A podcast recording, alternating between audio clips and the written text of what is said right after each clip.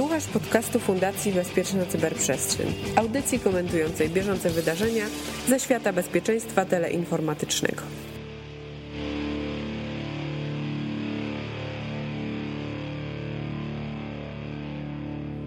Przed Tobą kolejny odcinek podcastu CyberCyber, a jego numer 44, czyli tuż przed nocą dziadów spotkali się Mirek Maj i mówiący te słowa Łukasz Jachowicz, by porozmawiać o zagrożeniach, które czyhają na nas w cyberprzestrzeni.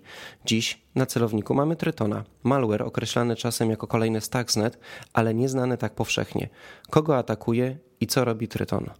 No, na, na początku pewnie y, słuchacze dziwią się, dlaczego my w ogóle o Trytonie mówimy w październiku 2018 roku, kiedy sprawa była znana już dosyć dawno, bo pierwsze informacje na ten temat pojawiły się w grudniu e, zeszłego roku 2017. W styczniu troszeczkę więcej na ten temat się e, dowiedzieliśmy dzięki publikacjom e, w sieci. Zaraz będziemy wyjaśniali, dlaczego się zajmujemy tym. To nie razem, jest tak, ale tak, że nam tak, tematów zabrakło. Tak, nie zabrakło nam tematów. Natomiast rzeczywiście warto taki background przypomnieć. Triton to jest Kolejny, pewnie historycznie, gdzieś tam najczęściej wspominamy Stuxneta, Industrojera, e, no i niektórzy też chcą dołączyć Tritona. Czy zasadnie to jeszcze możemy porozmawiać o, o tym, ale kolejny taki istotny atak na infrastrukturę E, krytyczną, który e, wzięły firmy zajmujące się cyberbezpieczeństwem na tapetę i, i spróbowały e, rozgryźć. No, jest to ciekawy przypadek moim zdaniem.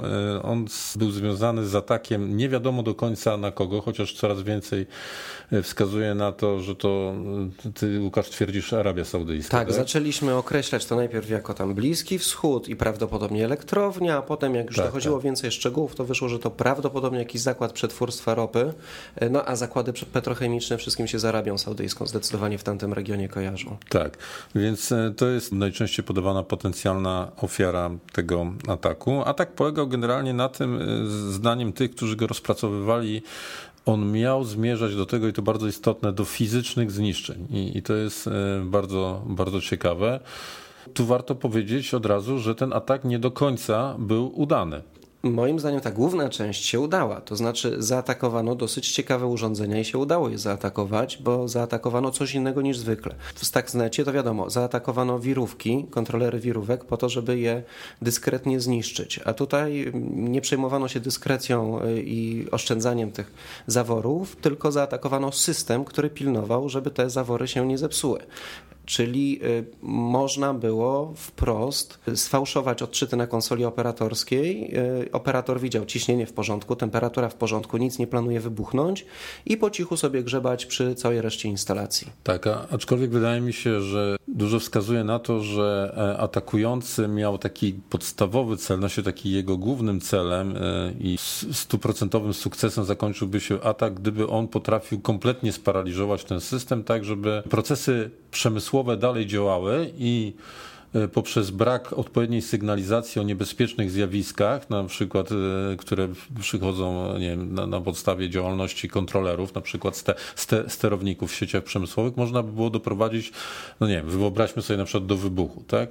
Natomiast dlatego ja twierdzę trochę, że to się nie udało, ponieważ te systemy poniekąd, te e, systemy klasy SIS, bo mówimy o tych, o tych systemach, czyli Safety Industrial Control, jeżeli dobrze pamiętam rozwinięcie tego skrótu, one poniekąd zadziałały dlatego, że właściwie doprowadziły do zatrzymania procesów przemysłowych, co też jest bardzo źle, tak? ale, ale trochę też trzeba uczciwie przyznać, że to jest trochę ich rola.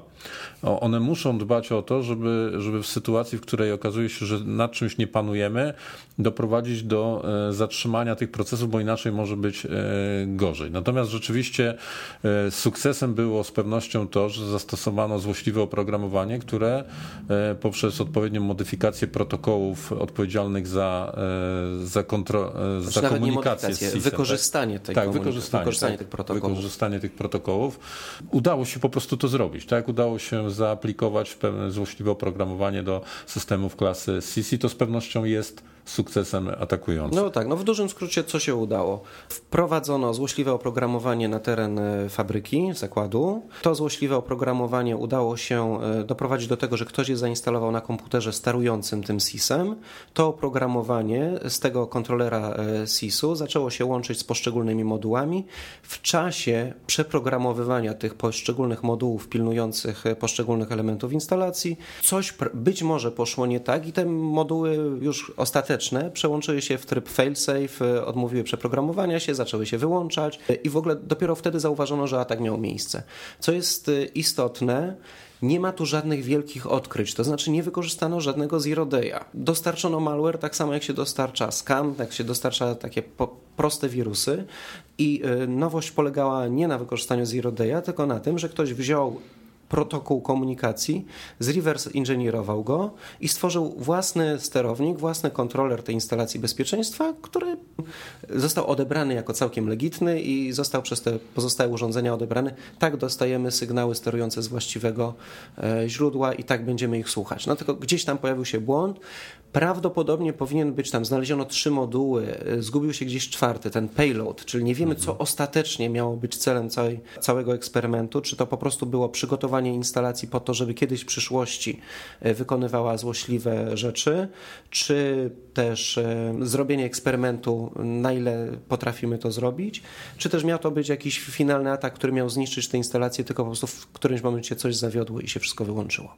Tak, tu jeszcze przy okazji znalazłeś fajną informację dotyczącą tego, ile może kosztować i, i, kto się zajął tym, e, jak tak, taki reverse engineering całej sytuacji zrobić może. Rzeczywiście jest tak, że kiedyś nam się e, wydawało, że ataki na instalacje e, przemysłowe, bardzo zaawansowane, to tak jak w przypadku ataku na Iran, wymagają wsparcia całego państwa, najlepiej współpracy dwóch państw, które się nigdy do tego nie przyznały i, i, i jakichś wielkich, naprawdę wielkich osiągnięć.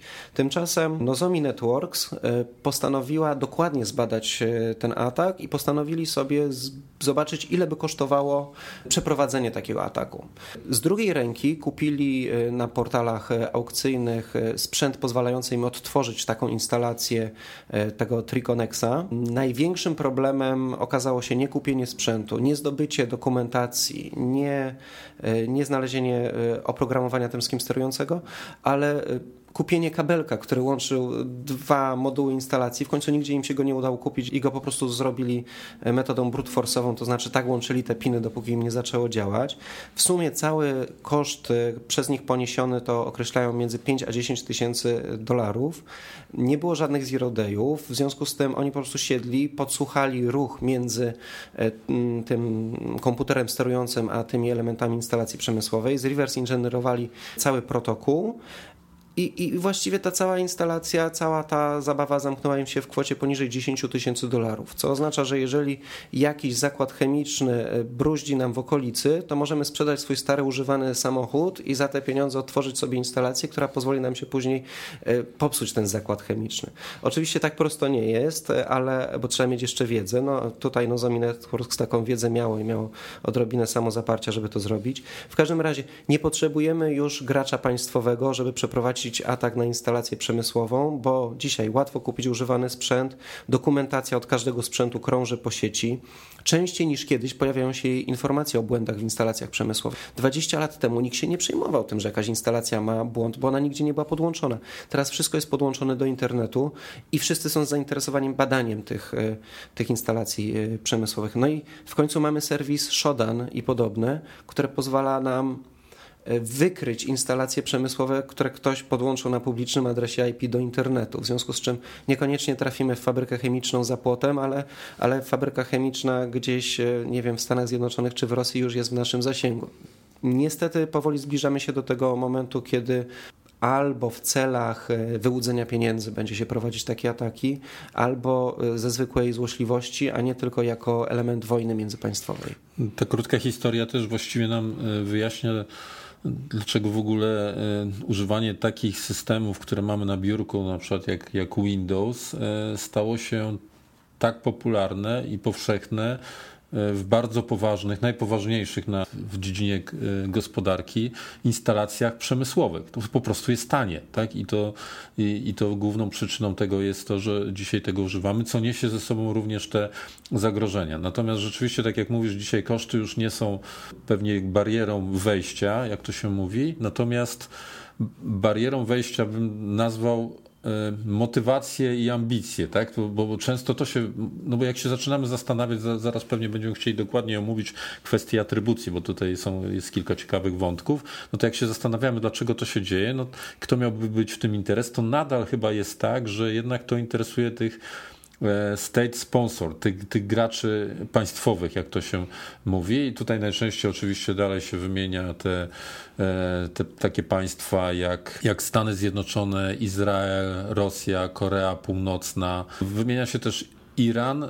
No tak, Iran też bym, bo jak sobie przypominam duży blackout w Turcji parę lat temu, no to e, wielu mówiło, że to jest związane jakby z rozwijaniem potencjału arsenału, cyberarsenału e, Iranu, więc też należałoby e, po doświadczeniach Stuxnetowych i, i dużej akcji w Iranie, żeby zbudować takie zdolności, również dołączyć do tego i, i w ten sposób po prostu mówimy o tym, że najprawdopodobniej ta atrybucja gdzieś tutaj wokół tych wielkich mocarstw krąży, tak. Jeszcze masz rację, ale moim zdaniem to wkrótce będzie bardzo poważny problem, jeżeli chodzi o cyberprzestępczość nie związana z atakami państwowymi. To jest po prostu świetny sposób na e, wymuszanie okupów. Jesteśmy w waszej fabryce i co nam teraz zrobicie? Zgadza się, aczkolwiek tutaj ryzyko, bym powiedział, mocno wzrasta, dlatego że można sobie wyobrazić, że o ile jak ktoś się włamie na konto bankowe i nawet e, bankę z niego wyciągnie, to zaangażowanie najbardziej wykwalifikowanych służb specjalnych danego państwa raczej nie wchodzi w rachubę. Natomiast w takim przypadku, o którym my mówimy, no to jestem przekonany, znaczy wiem, że na pewno powinno wchodzić w rachubę. Natomiast przypuszczam, że w większości przypadków po prostu wchodzi w rachubę i ryzyko spra dla sprawcy no, zdecydowanie wzrasta. Tak i nie, bo pamiętaj, że w przypadku zwykłego napadu i prośby o wymuszenie, wymuszenie haraczu, to zwykle się musisz y, pojawić w okolicy fabryki. Tutaj fabryka może być na drugim końcu świata i bardzo Cię przepraszam, nie podejrzewam polskich służb specjalnych, że będą e, w stanie skutecznie złapać włamywaczy gdzieś ze środkowej Nigerii, którzy no, których no, nie potrafimy, którzy nam próbują cały czas sprzedać złoto za darmo i, i, i sobie z nimi nie radzimy. Nie ja dobrze, dobrze słyszę, że ty próbujesz mnie wciągnąć w ocenę polskich służb specjalnych? Nie, po prostu bardzo się martwię o bezpieczeństwo polskich instalacji przemysłowych. Ja też się martwię, tak, bo zresztą rozmawialiśmy przy ostatnim od, e, odcinku o Black Energy, które e, swego czasu mocno dotknęły polskich instalacji. Zgadza się, ja przede wszystkim bym apelował, to zresztą po, od kilku lat się szczęśliwie dzieje, o, o dużą, e, dużą dużo akcji związanych z poprawą bezpieczeństwa w samych, u samych operatorów e, tej klasy urządzeń, tak? Czyli wiemy, kto w Polsce, e, jakie to są firmy, które e, mają największą, na nich jest położona największa odpowiedzialność za tego typu ochronę rzeczy i no sam przykład tego, że tak jak powiedziałeś, za 10 tysięcy dolarów można zbudować laboratorium, które już dużo poprawia, jeżeli chodzi o budowę kompetencji, no to po prostu to jest ta ścieżka, mówiąc wprost, bo jak sobie przypomnimy inne przypadki, na, na przykład przypadek Industrojera, to tam w tych opracowaniach też się mówiło o tym, że ten atak poprzedzało już od strony, już nie, nie, nie, nie, mówimy o rozpoznaniu, jak to przebiegało, tylko przygotowanie tego ataku poprzedzało dosyć długo, tam mówiło się o oceniali to między kwartał a 6 miesięcy, e, przygotowanie, zbudowanie całego systemu laboratoryjnego już bardzo szczegółowego, które pozwalało później na to, żeby przećwiczyć ten atak tak, żeby on w 100% był udany, e, a nie, że on gdzieś tam stanie, bo jakiegoś komponentu nie mamy i wtedy pewnie zbudowanie takiego laboratorium jest trudniejsze, ale nadal jest możliwe, tak? I, i uważam, że właściwie w każdej wielkiej spółce, która używa rozwiązań klasy Industrial Control System, tego typu laboratorium i tego typu testy powinny być non-stop wykonywane po to, żeby wiedzieć, w jakim stopniu to, co mamy, jest bezpieczne, bo też pamiętamy oczywiście o tym, że to jest środowisko, w którym tak zwany change management jest jednym z najtrudniejszych procesów i namówienie kogoś na to, żeby jakąś łatkę wrzucił, no to to może być proces, który może tygodniami albo miesiącami w takiej firmie trwać, zanim ktoś podpisze to, bo będzie spokojny, że nie zabraknie prądu albo będzie gaz płynął. I nie jest y, to zarzut pod jego kątem. No bo, no nie jest, nie jest, tak. Bo, bo, no, bo on jest odpowiedzialny za to, żeby elektrownia działała i tutaj trzeba połączyć w jakiś sposób konieczność update'owania systemów oraz upewniania się, że ten update nie zepsuje czegoś, co już działa. Zaczęliśmy od tego, że teraz się pojawił raport e, FireEye. E, on jest e, jakby sygnowany specjalnym określeniem temp Veles tak, który mówi o tym, głównie zajmuje się tym problemem atrybucji, dlatego że FireEye, jakby tutaj wynika z tego, y, z tej dokumentacji, y, znalazł środowisko testowe i zaczął porównywać to, co się działo przy okazji Tritona z tym, co znalazł w tym środowisku, no i ma mocne podejrzenia co do tego, kto zrobił, kto wykonał całą tę operację. Celem ataku była Arabia Saudyjska, kraj muzułmański to wiadomo, że atakującym będzie. No nie wiem. No i właśnie wszyscy myśleli, że Izrael, a jednak Rosja. W każdym razie tak twierdzi e, Fajraj. A konkretnie ktoś związany z Centralnym Instytutem Badawczym Chemii i Mechaniki. Centralny Instytut Badawczy Chemii i Mechaniki zajmuje się m.in. badaniami nad infrastrukturą krytyczną oraz tworzeniem broni i wyposażenia wojskowego. Ale takich instytucji podejrzewam w Rosji jest mnóstwo, więc to nie był jedyny trop, który, który nie, nie weszli na stronę tego instytutu, nie stwierdzili, o, oni tworzą broń infrastrukturę krytyczną oglądają, to na pewno oni. Tych śladów było więcej. Tak, dla mnie ten raport jest ciekawy właśnie dlatego, że on się zajmuje czymś, co najczęściej jest przywoływane, no jak się pyta, no co takiego trudnego w tym, tym cyberbezpieczeństwie jest, to bardzo często się mówi problem atrybucji, tak? Jak ustalić, bo to ma pełno konsekwencji, no już w wymiarze potencjalnym politycznym, no to ba, ba, bardzo, bardzo poważne e, konsekwencje. Wiadomo, że NATO w ogóle się mocno zajmuje tym tematem, żeby wiedzieć, jaką e, adekwatną, proporcjonalną siłę reakcji przyłożyć do tego, no ale gdzie przyłożyć? Nomen omen, tak, komu przyłożyć, prawda? E, więc ten problem atrybucji jest nie, niesamowicie ważny i dlatego tutaj jest w tym artykule wymienianych kilka różnych takich sposobów i akurat ten, który ty podałeś, no to jak sam rozumiem, zasygnalizowałeś, to, to że to tak powiem, ostatni. to jest, nie jest krytyczny, tak? Aczkolwiek jeden ten punkt, tak, który buduje, no bo tam jest wymieniane właściwie trochę statutowe, cele działalności takiego instytutu. No to jakbyśmy wzięli taki statutu, takie statuty iluś tam kilkudziesięciu albo być może nawet kilkuset różnych organizacji na świecie, to okazałoby się, że na podstawie tego można było uznać, że każda z nich e, stoi za tego typu atakiem. Ten jeden, o którym wspomniałeś, pokazuje wyraźną więź, najprawdopodobniej zbudowaną już relację e, z sektorem wojskowym, tak, po prostu z, armią, z, armią, z armią Federacji Rosyjskiej. I to jest pewnie najsilniejszy z tych takich miękkich różnych argumentów. Natomiast przy tej okazji pojawiają się, jak już zaczynamy od miękkich, tych słabszych, to bym powiedział tak, no bo też pojawiają się inne. No ten, ten klasyczny, który ja sobie przypominam, że najczęściej był dawno temu przytaczany, to coś, coś tam było skompilowane w strefie czasowej. Znaczy tam nie tylko skompilowane w strefie czasowej, ale aktywność, aktywność związana tak, tak. Z, z, z Tritonem są wykonywane, jest, jest od 8 do 16 czasu moskiewskiego. Tak, od, nawet, nawet od siódmej bym tam, powiedział, bo sobie spojrzałem na ten... E, tam jest taka piękna tabelka. Ta, taka prawda? piękna tabelka. W ogóle tam jeden moment to ktoś chyba miał jakieś takie e, KPI-e e, tygodniowe, bo w piątek rano po prostu zdecydowana większość tego wszystkiego się, więc być może w piątek to było rozliczane przed spotkaniem jakimś i, i to by tak. pokazywało taki biznesowy charakter, prawda? Te, tak. Tego, więc, więc rzeczywiście jakaś struktura usystematyzowana, taki instytut nadaje się do. E, tak. I do... czyli wiemy, że to nie jest też e, samotny strzelec, który sobie wieczorami siedzi gdzieś, bo e, od 8 do 16 taka regularność, nawet kogoś w innej strefie czasu, czasowej pracującego po nocy raczej jest dosyć trudna. Dodatkowym takim śladem wskazującym na Moskwę i na ten instytut badawczy jest adres IP, bo się okazało, że część aktywności związanych z Temp Veles i Tritonem, i to nie tylko aktywności takich e, związanych z samym atakiem, ale Później na przykład sprawdzali też, kto zagląda na raporty o tym e, Trytonie, kto robi biały wywiad na jego temat.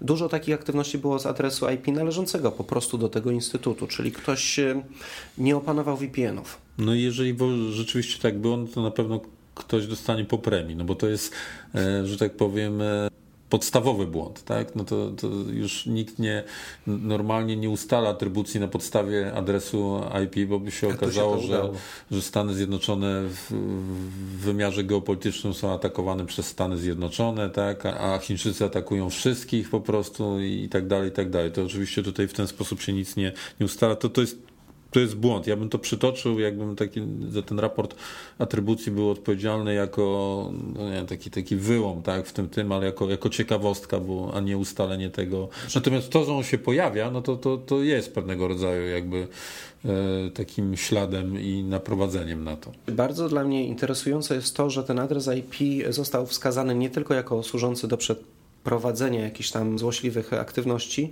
ale też że go później połączyli ze swoimi własnymi logami e, tak. internetowymi, zobaczyli, że ten sam adres IP szuka informacji na temat tego ataku mhm. już po jego przeprowadzeniu. Czyli taka uwaga dla włamywaczy, jeżeli gdzieś chcecie o sobie poczytać, nie róbcie tego z domu. Mhm. Dla mnie najciekawsze i najbardziej przekonujące są te y, wątki dotyczące próby ustalania atrybucji na podstawie analizy kodu, tak? bo, bo w tej analizie kodu pojawiają się, no na przykład pojawia się cyrylica, tak? i to już jest jakby czy, gdzieś tam wskazanie na, no nie dokładnie do tego instytutu, no ale, ale, ale kojarzące y, z, z takim prawdo, prawdopodobieństwem. Pojawia się też e, najprawdopodobniej pseudonim e, z jednej z tych osób, tak, która się tym zajmuje, e, który to znaleziono w, w w różnych publikacjach i aktywności tej osoby, jak to określono e, w środowisku zajmującym się bezpieczeństwem w Federacji e, Rosyjskiej. Znaleziono nie gdzieś e, w sieci krążące, tylko znaleziono po prostu w tym, tym środowisku testowym, które jakoś FireEye dostało w swoje ręce, znaleziono po prostu w jednym z plików nick tej osoby. Ten nick został skojarzony z autorem artykułów do gazetki o hakowaniu rosyjskiej oraz jednocześnie ten nick wiąże się z jedną z osób zatrudnionych w Centralnym Instytucie Badawczym Chemii i Mechaniki. Przypadek. Może jeszcze troszeczkę e, parę słów na temat tych narzędzi wykorzystywanych, bo to też pokazuje takie modus operandi tych, którzy tym się zajmują. To jest tak, to w większości są na, narzędzia, które są e, w ogóle publicznie dostępne. No na przykład przytacza się, że tam jest Metasploit, prawda? ogólnie e, znane. Przy, jeszcze wspomina się o, o Cobalt Strike'u, o Powersploicie, tak? o, o. Na, natomiast to, co najprawdopodobniej w szczególności było robione i, wymagało jakiegoś wysiłku, to są e, nawet zdaje się długoletnie działania zmierzające do tego, żeby poprawiać niewykrywalność tych narzędzi, tak, że one były, to było jakbym nazwał to dozbrojeniem tych narzędzi, tak, biorąc pod uwagę, no bo tu znowuż mamy klasyczny atak kill chain, APT, prawda, więc mamy tę fazę uzbrojenia, bym ją nazwał w tym wypadku dozbrojeniem tych narzędzi w różne moduły przetestowane, tak, żeby, no przede wszystkim antywirusy, tak, nie oszukujmy się, to nadal e, w takich, w takich e, miejscach, gdzie, gdzie się tam dba o bezpieczeństwo, nadal pozostaje jednym z, z naj, z najważniejszych narzędzi y, zabezpieczenia, czyli, czyli stosowaniem wykrywania wirusów. I to w tym, w tym wypadku tak się działo, że jakby ci, którzy to y, wykonali, dużo czasu i wysiłku włożyli w przygotowanie narzędzi, nie samej funkcjonalności, ale raczej właśnie takiej zdolności do ukrywania tych narzędzi. I tu tak naprawdę jest kolejny ślad pokazujący, że ten mm, środowisko testowe TempWLS, które zostało znalezione przez e, FireEye, to jest środowisko tych samych osób, które dokonały tego ataku Tritonem, ponieważ tam się daty plików, e, które zostały by, były przerabiane. Te rzeczywiście standardowe narzędzia do prowadzenia ataków były przerabiane tak, żeby nie były wykryte antywirusem i one były ciągle wykrywane tym antywirusem i kiedy im się udawało doprowadzić do tego, że przestały być wykrywane programami antywirusowymi e, czy też IDS-ami, e, to następnego dnia po tej dacie stworzenia tej ostatecznej wersji był prowadzony e, atak Tritona, co oznacza, że za każdym razem, kiedy mi się udało coś już e, osiągnąć w tym środowisku testowym, następnego dnia dziwnym zbiegiem okoliczności to samo, to, to samo rozwiązanie znalezione w tym środowisku testowym było, było wykorzystane do ataku Tritonowego. Czyli krótko mówiąc, mamy dużo śladów pokazujących, że to środowisko testowe rzeczywiście było robione przez twórców Tritona i e, że rzeczywiście ten Triton może być z dużą dozą prawdopodobieństwa przypisany y, naszemu y, wschodniemu sąsiadowi.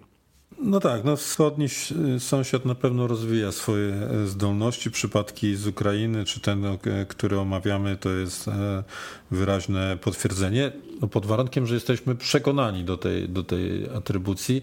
Ja bym ją określił tak, no, wykonano spo, sporo pracy, na pewno znalezienie tego środowiska testowego to było coś, co dzięki czemu można było pokazać wiele takich dosyć konkretnych, konkretnych e, poszlak dotyczących tej, tej, tej atrybucji. E, mi się w ogóle wydaje, że to jest, jeszcze raz, no dla mnie to było ciekawe, dlatego że gdzieś e, adresuje ten problem jeden z, jeden z poważniejszych. Ja uważam, że w ogóle warto by było mocno jeszcze rozwijać e, swoje własne zdolności, do czego tutaj nawiązujemy w trakcie tego e, podcastu. I fajnie by było, i fajnie, żeby ludzie, którzy się tym zajmują, e, jakby przeanalizowali to i zastanowili się, czy metody, które sami, z których sami korzystają, są gdzieś blisko tego, czy warto je uzupełnić o to, co tutaj FireEye zaproponował. Troszkę w tym samym temacie, ale troszkę inaczej. Z czym ci się kojarzy Eros? To naprawdę, Łukasz, nie jest podcast o tym. Okazuje się, że jest. Eros. Nie chodzi tu o Boga miłości i namiętności, ale chodzi o Earth Resources Observation and Science Center. To jest takie centrum, które no, przetwarza dane z satelitów, i znalazłem rewelacyjny raport y, instytucji odpowiedzialnych za bezpieczeństwo w Stanach Zjednoczonych. Na komputerach Erosa wykryto całe stosy malware'u. Takiego malware'u, który może służyć do wykradania informacji albo wyłudzania okupów. Otóż okazało się, że jeden z pracowników potraktował obiegową nazwę swojej instytucji bardzo dosłownie i odwiedzał dosłownie tysiące stron www z pornografią. Zainfekował w ten sposób swój służbowy telefon, służbowy komputer e, i przy okazji całą instalację ośrodka. E, filtry www założone na e, łącza ośrodka raczej by nie pomogły, bo część pornografii została przeniesiona na pendrive, na komputer służbowy.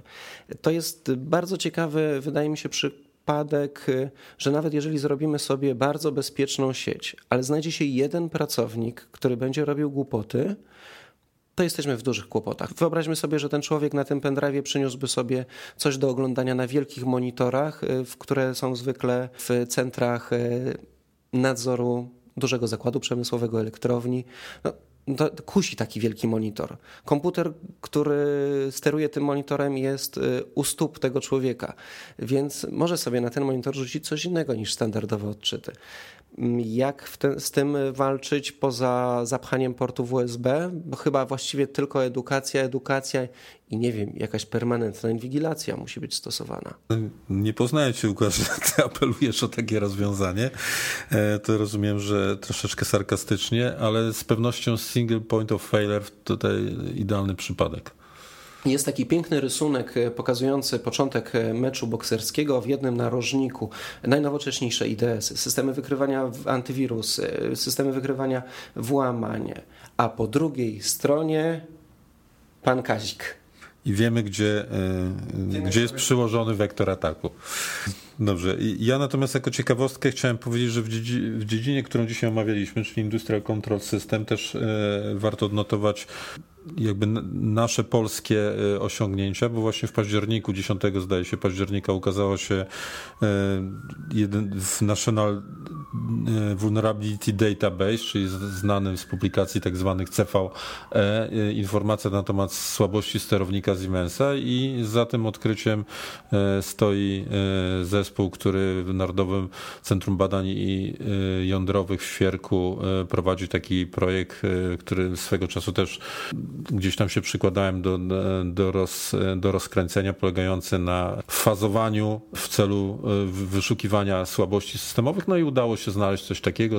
Siemens jakby to przyjął, pojawiło się to w bazie, w bazie jako C, CVE, pojawiło się jako advisory Siemensa, pojawiło się też jako advisory ICS CERT-u, czyli największego CERT-u zajmującego się systemami klasy Industrial Control e, Systems, CERT-u amerykańskiego, tak, zajmującego się tym. Także jakby tu gratulacje dla zespołu, który się tym e, zajmował. Można sobie to odnaleźć, gdzieś tutaj miałem numer. A, CVE 2018, czyli ten rok 13805, gdyby ktoś chciał e, zapoznać się ze szczegółami. A ja ze swoją duszą realisty, pesymisty zapytam, a kiedy ta łatka zostanie zaaplikowana? To jest pytanie do wszystkich, którzy używają tego kontrolera. No i i, i, I teraz wyobraź sobie, jesteś inżynierem w fabryce. Czy śledzisz biuletyny bezpieczeństwa? Podejrzewam, że dzisiaj jeszcze nie, ponieważ każdemu bezpieczeństwo się kojarzy ze stacjami roboczymi, wirusami i tak. Ciągle musimy edukować, że teraz celem ataku jest coś, co celem ataku wcześniej nigdy nie było. Ja ci powiem tak, z moich doświadczeń już zupełnie praktycznych, to jest tak, że z dużym prawdopodobieństwem jest niestety tak, że ci inżynierowie, którzy są odpowiedzialni za te sterowniki, za IC, ICS-y, Raczej bym tak użył, żeby nikogo jakby nie wskazywać palcem i nikogo nie obrażać, ale raczej, raczej nie sami tego nie wyłapią, nie prześledzą i nie, nie wykonają wszystkiego, co z tym jest związane. Dlatego to, co się dzieje rzeczywiście, tak jak wspominałem, że od kilku lat szczęśliwie coś tam w Polsce się dzieje, w tych największych spółkach powstają struktury, przeze mnie nazywane strukturami zarządzania incydentami, no bo to jest pewnego rodzaju incydent, tak? Jakby znalezienie nowej podatności to jest, to jest incydent, który trzeba e, się zająć.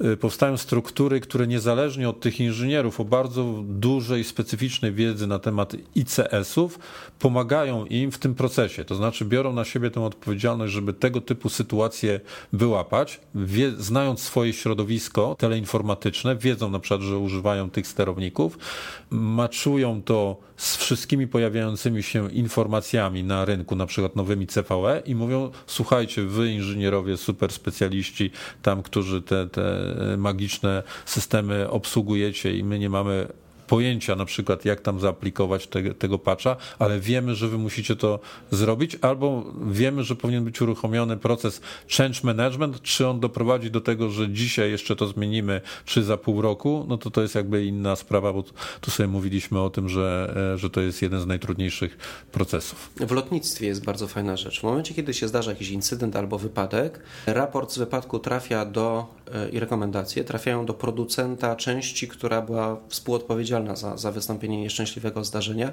i ta firma często przygotowuje biuletyn bezpieczeństwa, który jest dostarczany do wszystkich użytkowników danego urządzenia. To może być rozwiązanie, bo w sumie musimy kiedyś pomyśleć i porozmawiać o tym, e, co zrobić e, z wszech ogarniających nas internetem rzeczy, nad którym nikt nie panuje. Mhm. I nikt nie jest ciągle odpowiedzialny tak. za błędy w oprogramowaniu. A, a oprogramowanie to już nie jest coś, mhm. co nam liczy zadanie domowe, tylko to jest coś, co odpowiada za nasze życie. Pewnie trochę podobnie do tego procesu, który opisałeś z lotnictwa, jest tak, że, że pewnie trochę podobnie działa na przykład taki Siemens, o którym wspomnieliśmy, czy, czy Schneider, który, o którym dzisiaj de facto mówiliśmy, a nie wymieniliśmy tej e, nazwy, czyli ten, ten emblemat, który wielu z nas widzi, jak wchodzi do windy, ale jak widać nie tylko do, e, do windy, bo to, jest, to są po prostu rozwiązania automatyki e, przemysłowej, czyli informuje e, tych wszystkich swoich użytkowników tego. Natomiast pytanie jest takie, na ile to jest proces skuteczny, tak? Bo, bo tutaj nadal pewnie jest takie trochę wyobrażenie, a to tam, tam może trochę później i tak dalej. W lotnictwie to, to, że tak powiem, ta binarna sytuacja, jesteś w powietrzu albo jesteś na, na ziemi w sposób niekontrolowany, pobudza wyobraźnię i zmusza do, do znacznie pewnie e, zdeterminowanych działań. Tak, tutaj, tutaj może być trochę, trochę gorzej.